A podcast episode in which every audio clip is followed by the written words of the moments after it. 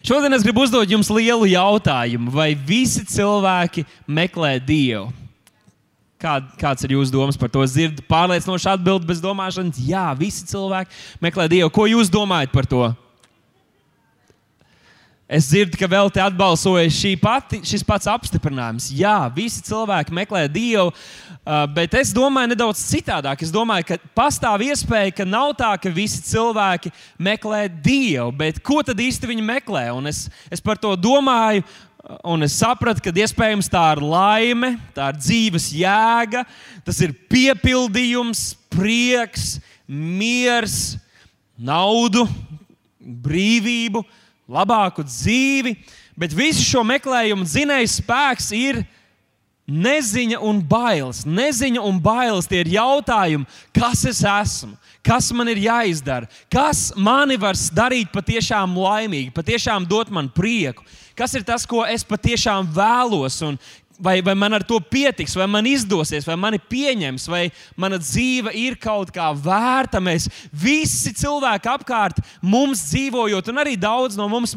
staigājam ar šādiem jautājumiem.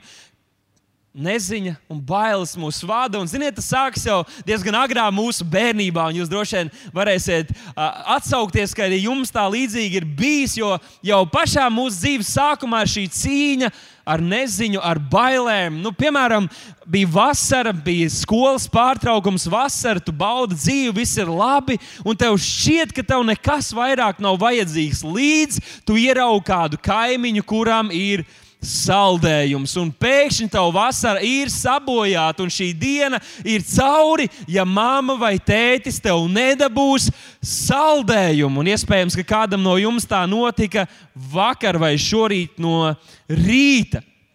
Mums tā diezgan bieži gadās arī tagad, kad esam pieauguši. Mums it kā to nevajag, bet tad, kad mēs redzam kādu cilvēkam kaut kas ir, mēs pēkšņi to ļoti vēlamies. Nu, vēl arī es atceros, ka bija laiks, kad es īsti nezināju, kas ritenis tāds ir un vai man vispār tādu vajag. Bet tad, kad es ieraudzīju, kā mans brālis brauc ar riteni un kādu no kaimiņiem brauc ar riteņiem, pēkšņi man ļoti vajadzēja riteni. Jo iepriekš es to nezināju. Pēkšņi es sapratu, ka man to ļoti vajag. Un tas ir tas veids, kā mana meita, kurai pavisam nesen palika divi gadi, tika pie skūtera.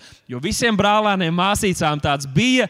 Es jūtu, ka arī viņai tādu vajag, lai gan visdrīzāk es nebūtu iedomājies pat par tādu lietu. Varbūt esat pamanījuši, ka Rīgas ielās riteņbraucēji paliek aizvien mazāk, un aizvien vairāk paliek elektroskūteristi, ja tā drīkst viņus nosaukt. Jo kāds redzēja, ka kādā mīrumā viņš aizmirst par savu apņemšanos dzīvot veselīgāku dzīvi, izkustēties braucot ar riteni, viņam vajag kaut ko, kam ir dzinējs.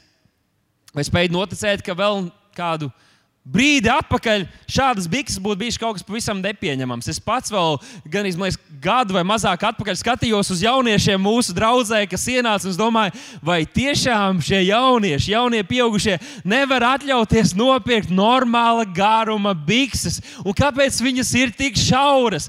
Kad es biju nu, pusaudzes un vēl mācījos vidusskolā, tajā laikā biksēm bija jābūt ļoti garām, īpaši garām un arī platām, lai tu ērti justos. Es biju reperis, atzīšos, cik daudz vēl ir bijušie reperi.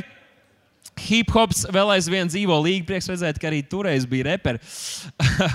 uh, bet tagad viss ir mainījies, un iespējams, kāda no jums uz mani skatāties, un vēl aizvien domājat, ka šādas bikses ir no vēlna. Iespējams, ka tuvāko mēnešu laikā arī jūs tādas iegādāsieties, jo mēs redzam kaut ko, sākumā varbūt ir grūti to pieņemt, samierināties, bet pēc brīža mums šķiet, man arī vajag.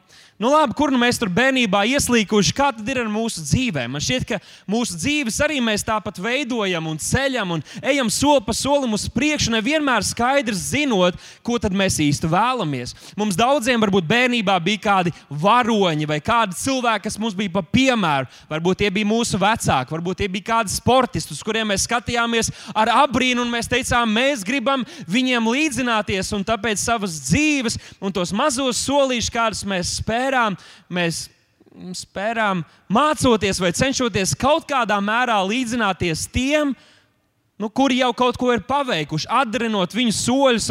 Tā nu es jums padalīšos ar ļoti personīgu lietu, kad es pabeidzu pamatskolu šeit, Harmonija, ka mums vēl draudzē bija pamatskola. Es nezināju, ko es gribu tālāk darīt, un kur skolu vajag iet mācīties. Bet man klasē bija viens gudrs puisis, kur vārds bija Kristaps. Jūs varbūt kādu viņu atceraties, viņš citā draudzē eh, iet, bet Viņš tika uzskatīts par ļoti, ļoti gudru puisi, un tā nu es neko daudz nebiju pētījis un neko daudz nezināju, bet es gāju viņam līdzi uz visām skolām, kur viņš gribēja pieteikties, un arī centos darīt tāpat. Jo es nezināju, kas man ir jādara, bet es zināju, ka jāsako kādam, kurš iespējams ir gudrāks. Tā es tiku Rīgas otrajā gimnājā. vēl, vēl, vēl varbūt kāds ir mācījies Rīgas otrajā? O, prieks redzēt par rokām. Kāpēc jūs kautrēties? Pats riet roku drosmīgi. Tāpēc, ka daudz cilvēku staigā pa šo dzīvi ar šādiem meklējumiem, apkārt ar šādiem neremdināmiem, neatbildētiem jautājumiem. Daudz ir pieņēmuši un samierinājušies ar trulākajām atbildēm. Un varbūt nu, tā tieši neviens tos vārdā nesauc, bet daudz cilvēku pavada savas dzīves, lai nopelnītu naudu, lai kļūtu slaveni, lai kļūtu ietekmīgi. Varbūt vienkārši, lai labi izskatītos un Instagramā būtu daudz sekotāju. Bet es esmu dzirdējis par bagātiem cilvēkiem, par ietekmīgiem cilvēkiem, esmu dzirdējis par slaveniem cilvēkiem, pat skaistiem cilvēkiem, kuri kādā savas dzīves brīdī saprot, ka viņu dzīvē nav jēga turpināties, ka nav jēga viņiem turpināt eksistēt, viņi atņem savu dzīvības. Tas man liek domāt par to, ka šajās lietās piepildījumu nav. Šajās lietās nav tas, pēc kā cilvēki tik ļoti ilgojas un ko cilvēki meklē. Līdz ar to rodas šī atziņa, ka pasaule nevar atbildēt uz jautājumiem, kuri ir mums iekšēji un nespēja apmierināt mūsu sirds vēlmes. Un, lai gan ne visi cilvēki meklē Dievu, es esmu pārliecināts, ka ja to visu, visu, ko mēs vēlamies, visu, pēc ko cilvēki tiec, varētu savilkt kopā trijos vārdos, tas būtu, ka cilvēki meklē prieku, mieru un cerību. Visiem cilvēkiem vajag prieku, mieru un cerību. Un visās šajās lietās cilvēki to cenšas sasniegt. Un tādēļ, ja jūs parakņā, parakņāsieties internetā, jūs atradīsiet daudz dažādus rakstus un padomus.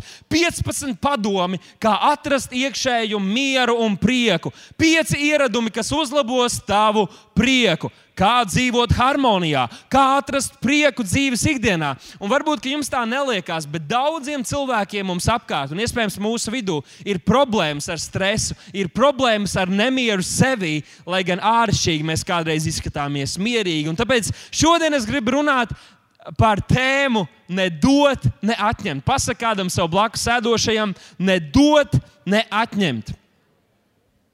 Jo, lai mēs pilnvērtīgi varētu dzīvot šajā pasaulē, mūsu dzīves pamatam ir jābūt kaut kam drošam un stabilam. Es reiz internetā redzēju video, kur bija kāds stopētājs, kurš stāvēja ielas malā.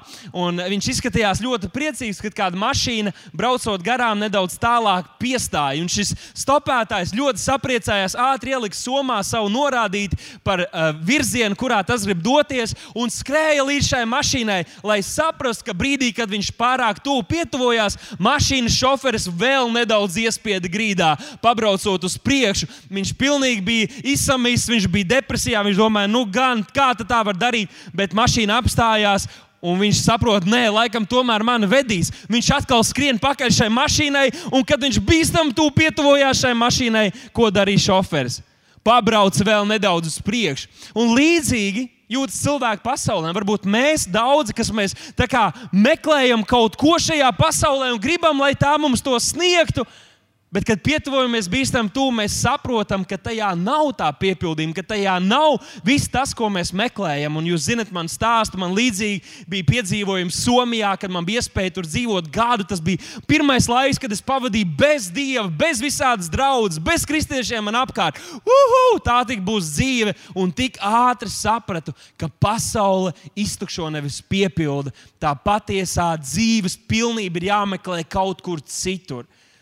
Jo, draugi, mums vajag iegūt kaut ko, ko pasaule nevar dot. Pasaulē tā nav. Un mēs gribam iegūt kaut ko tādu, ko pasaule mums nevar atņemt. Citādi mēs turpināsim dzīvot šādā skrējienā, neiegūstot to, bet zenoties it kā pēc tā, ko mēs vēlamies. Un tā atslēgas raksturvieta, uz kuru šodien es gribētu balstīt šo īso uzrunu, ir romieši, romiešu vēstule 15. nodaļa, 13. pāns.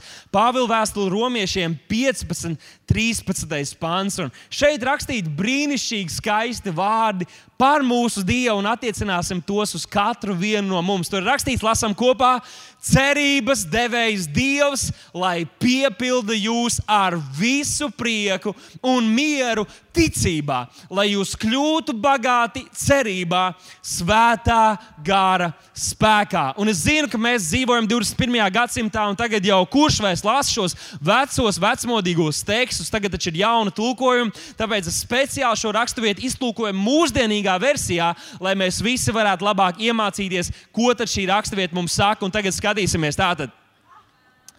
Cerības, lasam kopā. Cerības devējs Dievs, lai jūs pie, lai piepilda jūs ar visu prieku un mieru ticībā, lai jūs kļūtu bagāti cerībā, svētā gara spēkā. Romiešiem 15, 13.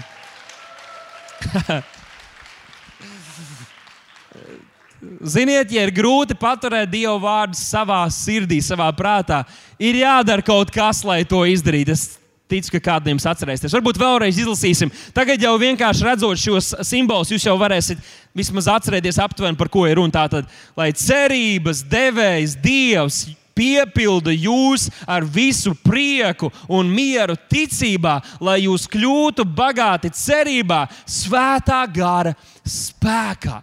Un šķiet, ka šī raksturvieta uzliek tādu lielu atbildi visam, pēc kā mēs ilgojamies, visam, ko visi cilvēki mums apkārt meklē un, un viļās pasaulē, saprotot, ka to tur nevar atklāt. Cerības devējs Dievs jums dod visu prieku un mieru. Un kāds varētu man teikt, bet, Dāvid, vai tu nekad neesi dzīvojis, vai tu neesi bijis ārpus draudzes un baznīcas? Es redzēju, tavā Instagramā, tu biji šajā vasarā aizbraucis uz Eiropu, uz Austriju, un redzēju, cik tu biji laimīgs un priecīgs. Tev taču ir bērni, tev ir sieva, vai tad viss tas tev nedod prieku, vai tev vajag to meklēt pie Dieva?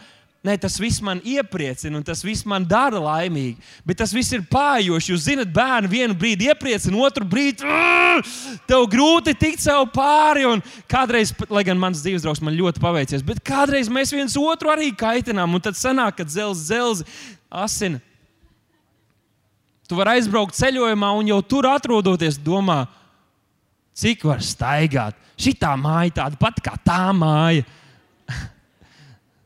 Viss, ko šī pasaule mums dod, ir tik pājošs, tik nevērtīgs. Lai gan emocijas ir brīnišķīgas, un Dievs nav pret, pret to, lai mums būtu labas emocijas, tomēr vai pasaule mūs var apmierināt un dot pastāvīgi paliekošu prieku, Mēs varam skatīties uz visu šo izklaides industriju, industriju mūsdienās. Visur, kur tu ej, tevi grib izklaidēt. Tu aizej uz teātri, aizej uz filmām, mūzika, visādi video. Tu caurām dienām vari sēdēt internetā un skatīties izklaidējošu video.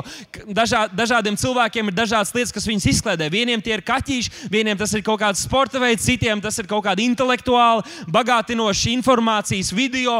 Un mēs visi varam patērēt tik daudz, mums do, tiek dota šī informācija izklaide. Un no vienas puses mēs to patērējam tam dēļ, lai mums nebūtu tie klusie brīži, kad mums ir jāsaprot, wow, bet man te iekšā ir jautājumi, uz kuriem man jāmeklē atbildes. Tāpēc mēs cenšamies aizpildīt šo laiku ar tukšām lietām. Jāņem Evangelija 16. nodaļā, 22. pantā, Jēzus teica kāds ļoti interesants vārds saviem mācekļiem. Bet es gribu nedaudz, lai mēs saprotam kontekstu. Tas ir laiks, kad Jēzus stāsta saviem mācekļiem, kas tūlīt notiks. Viņš stāsta par tiem laikiem, kas sagaida draugu un kam, kam mācekļiem būs jāiet cauri. Un tad viņš viņiem saka šos vārdus, tas ir pirms viņa augšām celšanās. Viņš saka viņiem šos vārdus: Arī jums tagad ir skumjas. Šajā brīdī, kad es jums stāstu, kam būs jānotiek. Viņi to nebija gaidījuši. Viņi cerēja, ka Jēzus kļūs par valdnieku un viņiem dzīve būs uz urā. Un Jēzus viņiem stāsta kaut ko pilnīgi citu. Hei, Reņģa ģimene! Čau. Viņš saka, Jēzus viņiem saka, arī jums tagad ir skumjas. Jums tagad ir skumjas. Klausieties tālāk. Bet es jūs atkal redzēšu, tad jūs, jūsu sirds priecāsies. Un, lasām skaļi, neviens šo prieku jums neatņems. Mācekļi bija pieraduši, ka viņu dzīves bija kā tāda amerikāņu kalniņa. Jūs esat kādreiz braukuši vienu brīdi augšā, otru brīdi lejā, vienu brīdi augšā, otru brīdi lejā, vienu brīdi tu esi depresijā, otru brīdi tu esi pacēlumā. Kaut kas pazīstams? Un tā, ja es saku saviem mācekļiem, jums šajā brīdī ir skumji, bet tad, kad es augšām celšos, un tad jūs atkal mani skatīsiet, jūs saņemsiet prieku, ko neviens jums nevarēs atņemt. Cik forši ir, ka tu dabū kaut ko tādu, kas ir tavs, un neviens tev nedrīkst to ņemt nost. Pareizi. Jums ir kādreiz bijis, ka jums kaut ko uzdāvina, un jūs tā, tas ir man, tas ir man, tas ir mans. Woohoo! Un Jēzus saka, es jums došu dāvanu, ko neviens jums nevarēs atņemt. Un tā dāvana ir prieks. Prieks. Ir cilvēki, kas domā, nu jā, tam man vienkārši visu laiku ir jāķicina un visu laiku jābūt tādam. Vecais, priecīgs, priecīgs. Mums zinām, tos cilvēkus, ne visiem tie cilvēki patīk, tam nav obligāti jābūt tādam, bet, ja es runāju par iekšēju prieku, par prieku, kas ir tavā sirdī, prieku, kas ir tavā sirdī, pat tad, kad ir bēdas, ir prieks, ir pamatojums tam, lai tavā sirdī būtu prieks. Un kas notika pēc tam, kad Jēzus šos vārdus bija teicis, kad viņš augšām cēlās un mācekļi saņēma šīs dāvanas? Mēs lasām apakstu darbu 13. nodaļā, ka mācekļi piedzīvoja milzīgas vajāšanas un ciešanas, bet viņi bija prieka un svētā gara pilni. Kaut kas radikāls ir izmainījies viņos. Iepriekš tās bija pamatojums bēdām. Ja notika vajāšanas, mēs bēdājāmies, saucām uz Dievu. Palasiet psalmus. Dāvids katru reizi, kad viņam sāp pirkstiņš, kad viņam sāp vēders, kad viņa sieva kaut ko viņam pasaka, un viņš nezina, kā viņai atbildēt. Kad sieva prasa, man vajag vairāk laika un tā tālāk, kad bērni tur neklaus viņiem. Viņš sauc uz Dievu un raud uz debesīm. Šajā brīdī, kad mācekļi sastopas ar vajāšanām, ar grūtībām, viņu atbilde ir citādāka. Viņi ir piepildīti ar prieku un svēto garu. Mēs vēl skatāmies ka uh, Maķedonijas draudzene, Pāvils raksta par Maķedonijas draugu, kura piedzīvoja milzīgas bēdas un nabadzību. Viņu prieks izpaudās sirsnībā un došanā, sirsnībā un došanā, milzīgās bēdās un pat nabadzībā. Viņiem bija kaut kas, ko pasaule nevarēja atņemt. Viņiem bija prieks. Un prieks kaut ko radīja viņos. Prieks lika viņiem rīkoties tā, kā rīkojas Dieva bērni. Mēs apstāstu darbos lasām, ka Dieva darba atraisa pat milzīgu prieku visā pilsētā. Tas nav emocionāls prieks, ka tu vienkārši kaut ko sagaidi, ka tu gaidi, ka būs nākamais dievkalpojums, ka tu varēsi doties uz svētdienas skolu, ka tev tulos piedzims bērns, kas arī ir brīnišķīgas emocijas. Tas nav apstākļu izraisīts uh, prieks, kad bēdas, kad tu zaudē darbu, kad tu saņem algas pielikumu un tu esi priecīgs. Tas ir garīgs prieks, tas ir prieks, kurš pastāv un kur izcelsme nav no šīs pasaules. Un tāpēc 51. psalmā Dāvids teica šādus vārdus: Atdod man atkal atpakaļ savas pestīšanas prieku. Viņš sauc uz debesīm, atdod man atkal atpakaļ savas pestīšanas prieku. Prieks, kurš nāk no mūsu pestīšanas stāvokļa. Prieks, kurš ir patiesība, gluži tāpat kā es esmu glābts, es esmu piepildīts ar dievišķu prieku. Pasaki to kādam. Gluži tāpat kā es esmu glābts, es esmu piepildīts ar dievišķu prieku. Un mēs zinām, ka mēs dzīvojam jaunajā derībā.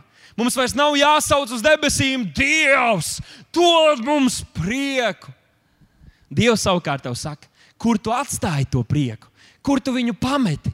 Es tev uzdāvināju, tas tev tika iedots, un atceries, sākumā tu biji priecīgs, tu skaisti staigāji pateicībā, kur tu viņu noliki. Aizej, paņem un ej tālāk. Skrien savas dzīves skrējienā ar šo prieku, ko Dievs tev ir devis. Prieku, ko pasaule nevar atņemt. Nu, kāds varētu teikt par to mieru? Nu, ho, ho, ho. Mēs jau tagad dzīvojam ne jau aizvēsturiskos laikos. Mēs jau visi esam mierīgi. Un, ja tu esi mierīgs, vai esi mēģinājis jogu?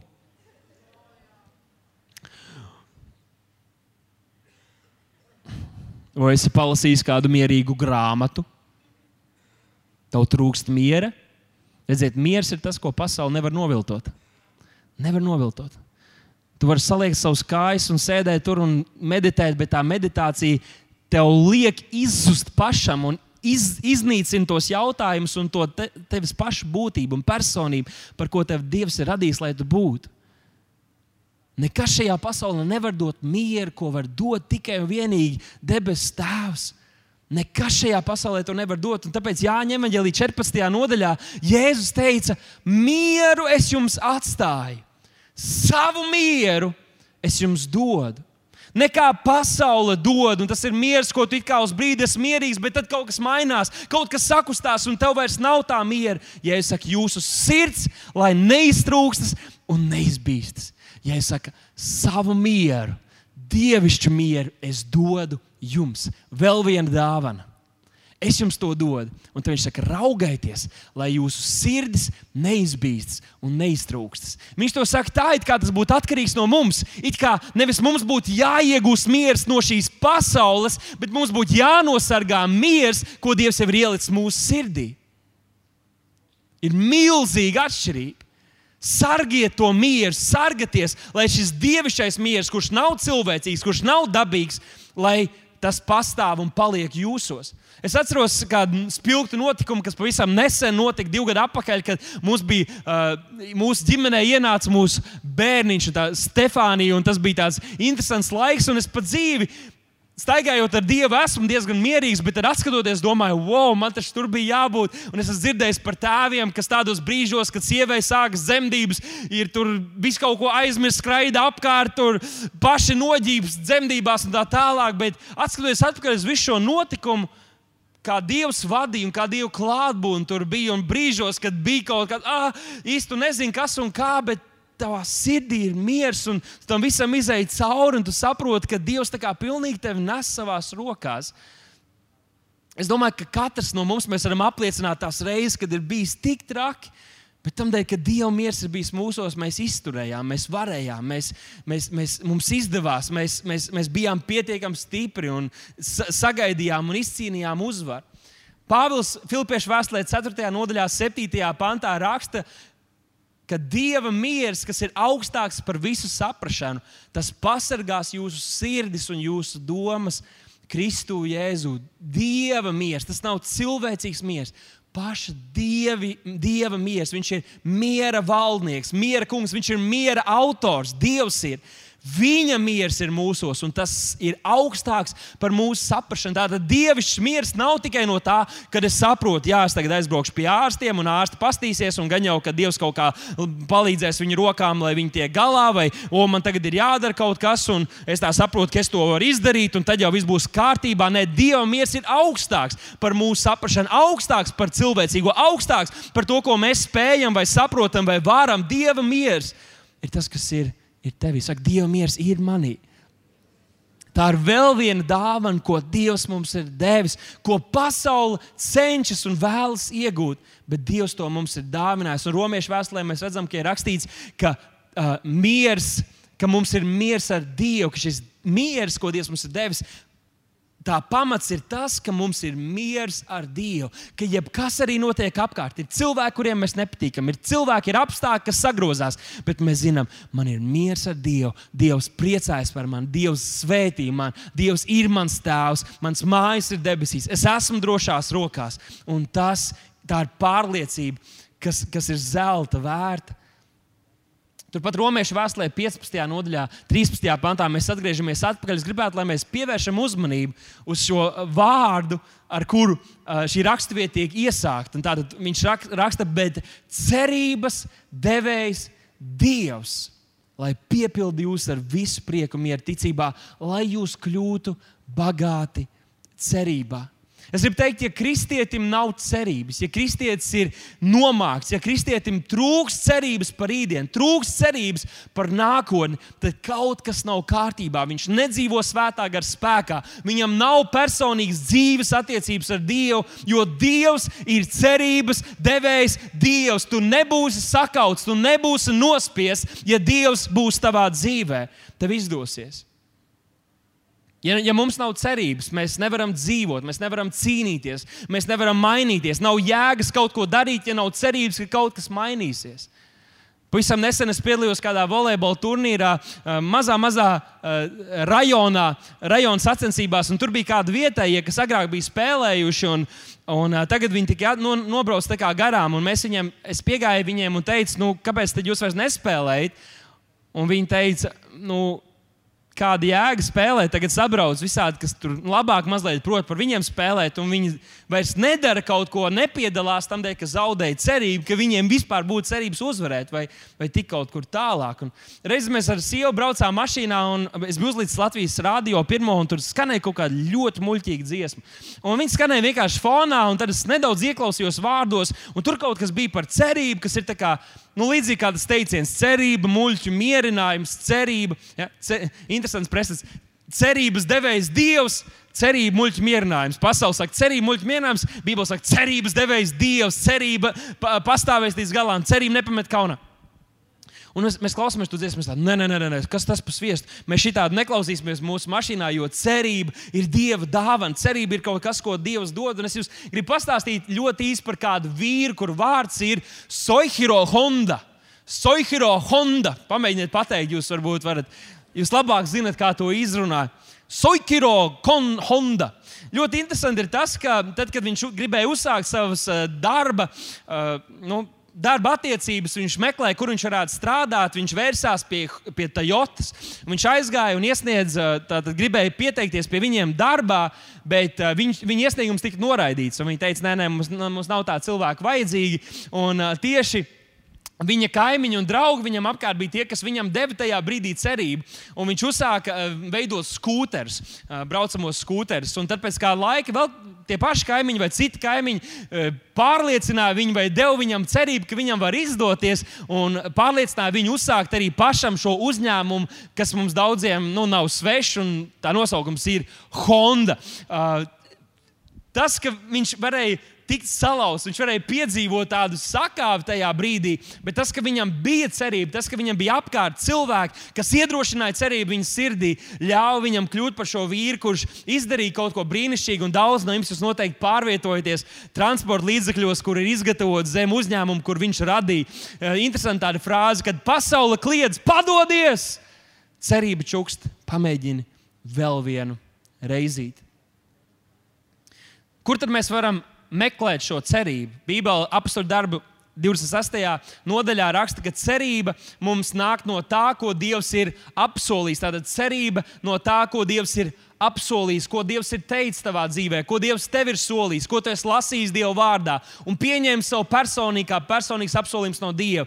Tā ir, ir cerības pamats tavā sirdī. Romiešiem 15.4 rakstīts, ka cerība nāk no rakstiem. Tātad, kad mēs lasām Dievu vārdu, mūsu sirdīs tiek atraisīta cerība. Un tad Efeziešu vēstules 1. nodaļā, 18. pantā ir teikts, ka viņa aicinājums mums dod bagātīgu cerību. Mums dod atraisa cerību mūsu sirdīs.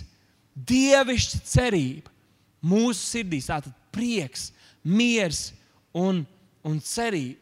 Un es gribētu, lai mēs atvērtu savā Bībelē Jeremijas grāmatu 29. nodaļu, 11. pantu, kur tik brīnišķīgi ir parādīta Dieva sirds pret katru vienu no mums. Kādas ir Dieva domas par mums?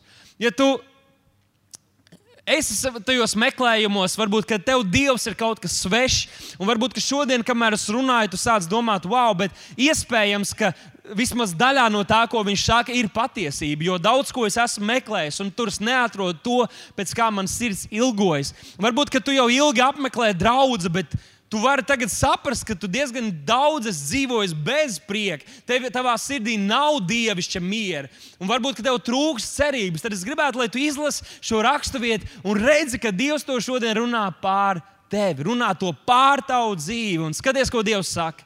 Es zinu, kādas man domas par tevi, saka tas kungs. Miera un glābšanas domas, un ļaunuma un ciešanu domas, ka es jums beigās došu, ko jūs cerat. Dievs saka, manas domas par tavu dzīvi nav ļaunums, nav ciešanas, bet miers un glābšana. Varbūt kādiem no jums tikko bija tāds debesu atvēršanās brīdis, un Dievs jums saka, vienkārši, tev jāzina, mans, dēl, mans dēls, mana meita, es esmu pār tevi. es esmu pār tevi. Miera un glābšanas domas. Tu saki, nē, man nevajag glābšanu. Ok, tagad tev vienkārši vajag mieru, bet tad, kad vajadzēs glābšanu, atceries, ka Dievs ir tavā pusē. Dievs ir tavā pusē. Viņš liks tev, viņa, viņa svētība ir un nāks pār tavu dzīvi un pavairosies tavā dzīvē. Bet ievērojiet to, ka šī raksturvieta beidzas ar to, ka viņš, ka, ka, ka, ka viņš dos mums to, pēc kā mēs ceram.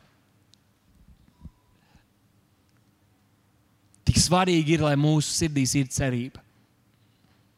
Lai ir cerība, lai ir cerība par rītdienu, lai ir cerība par mūsu nākotni, par mūsu bērniem, lai ir cerība par mūsu valsti, lai ir cerība par to, ar ko mēs nodarbojamies, ka mēs varam atnest pārmaiņas, ka mūsu tauta var būt glābta, ka, mēs, ka tu vari saņemt dziedināšanu, ka, tu, ka tās attiecības var tikt dziedinātas, ka pārmaiņas var notikt.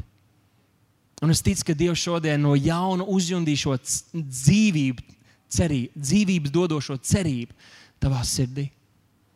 Ja mēs varētu vēl brīdi atgriezties Romiešu vēstulē 15, 13, tad pēc brīža arī noslēdz. Romiešiem 15, 13, un tur ir teikts, cerības devējs Dievs. Tātad Dievs, kas dod cerību. Lai piepildu jūs ar, un es gribētu uzsvērt šoreiz šo vārdiņu, kas ir tieši teiks pirms prieka. Viņš ir teicis, lai piepildu jūs ar, palīdziet man, piepildu jūs ar visu prieku un mieru. Un es domāju par šo raksturvietu. Visu prieku un mieru. Dzirdi, Dārvid, dzirdiet, draugi, visu prieku un mieru. Tātad tas, ko Dievs dod tavā dzīvē, nav paredzēts tikai kādam noteiktam brīdim, kad tu atrodies draudzē, kad tu esi ģimenē. Nē, nu, tā ir svēta lieta, te Dievs tiešām man dod mieru. Nē, tur, kur tev tā trūkst, Dievs tev dod visu mieru, visu mieru, visu prieku. Viss, katrā tavā dzīves sfērā, katrā tavā vājībā, katrā tavā nespējā, Dievs saka, es tev dodu un es tev piepildu ar prieku, mieru, ticībā, pārdabiski. Mēs nevaram saņemt dievišķu mieru, dievišķu prieku bez attiecībām ar pašu dievu devēju, ar, ar prieku devēju, cerības devēju, miera devēju Dievu.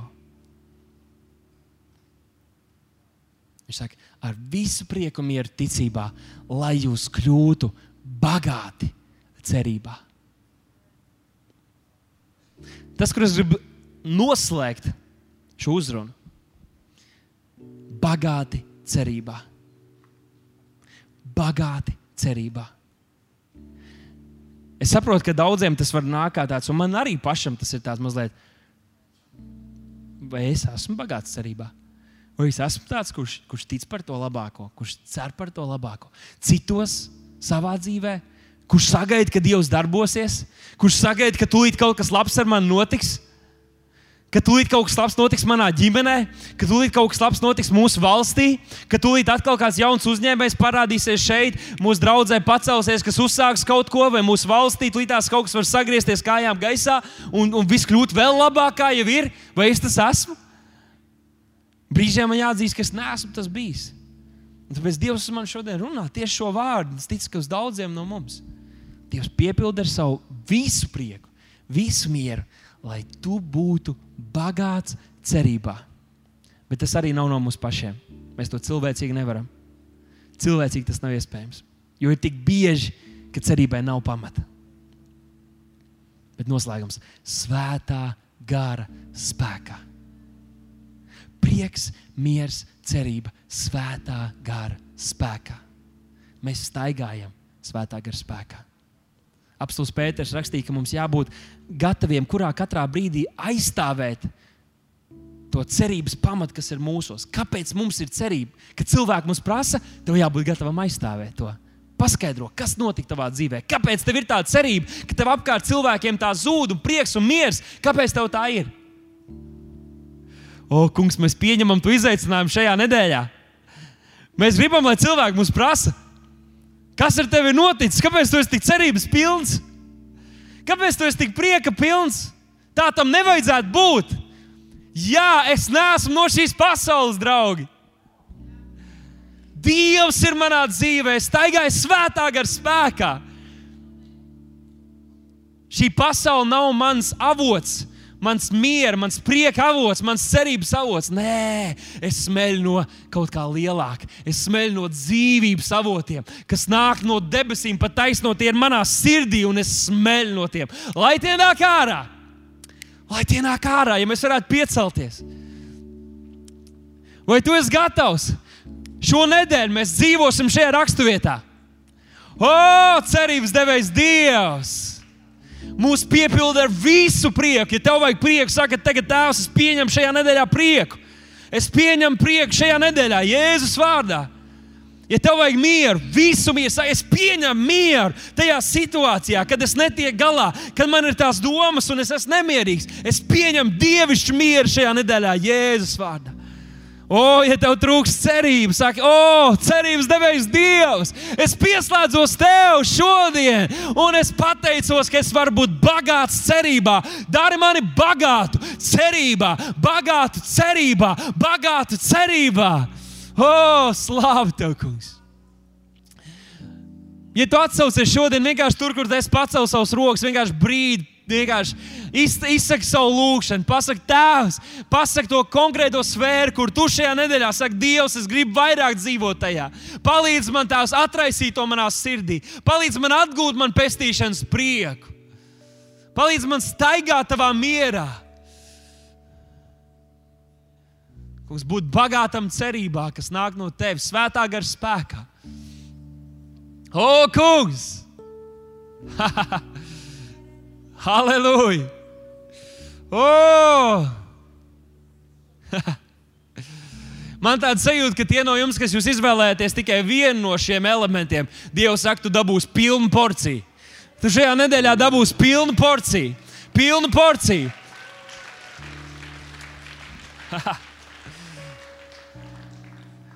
Meklē savu prieku savā kungā.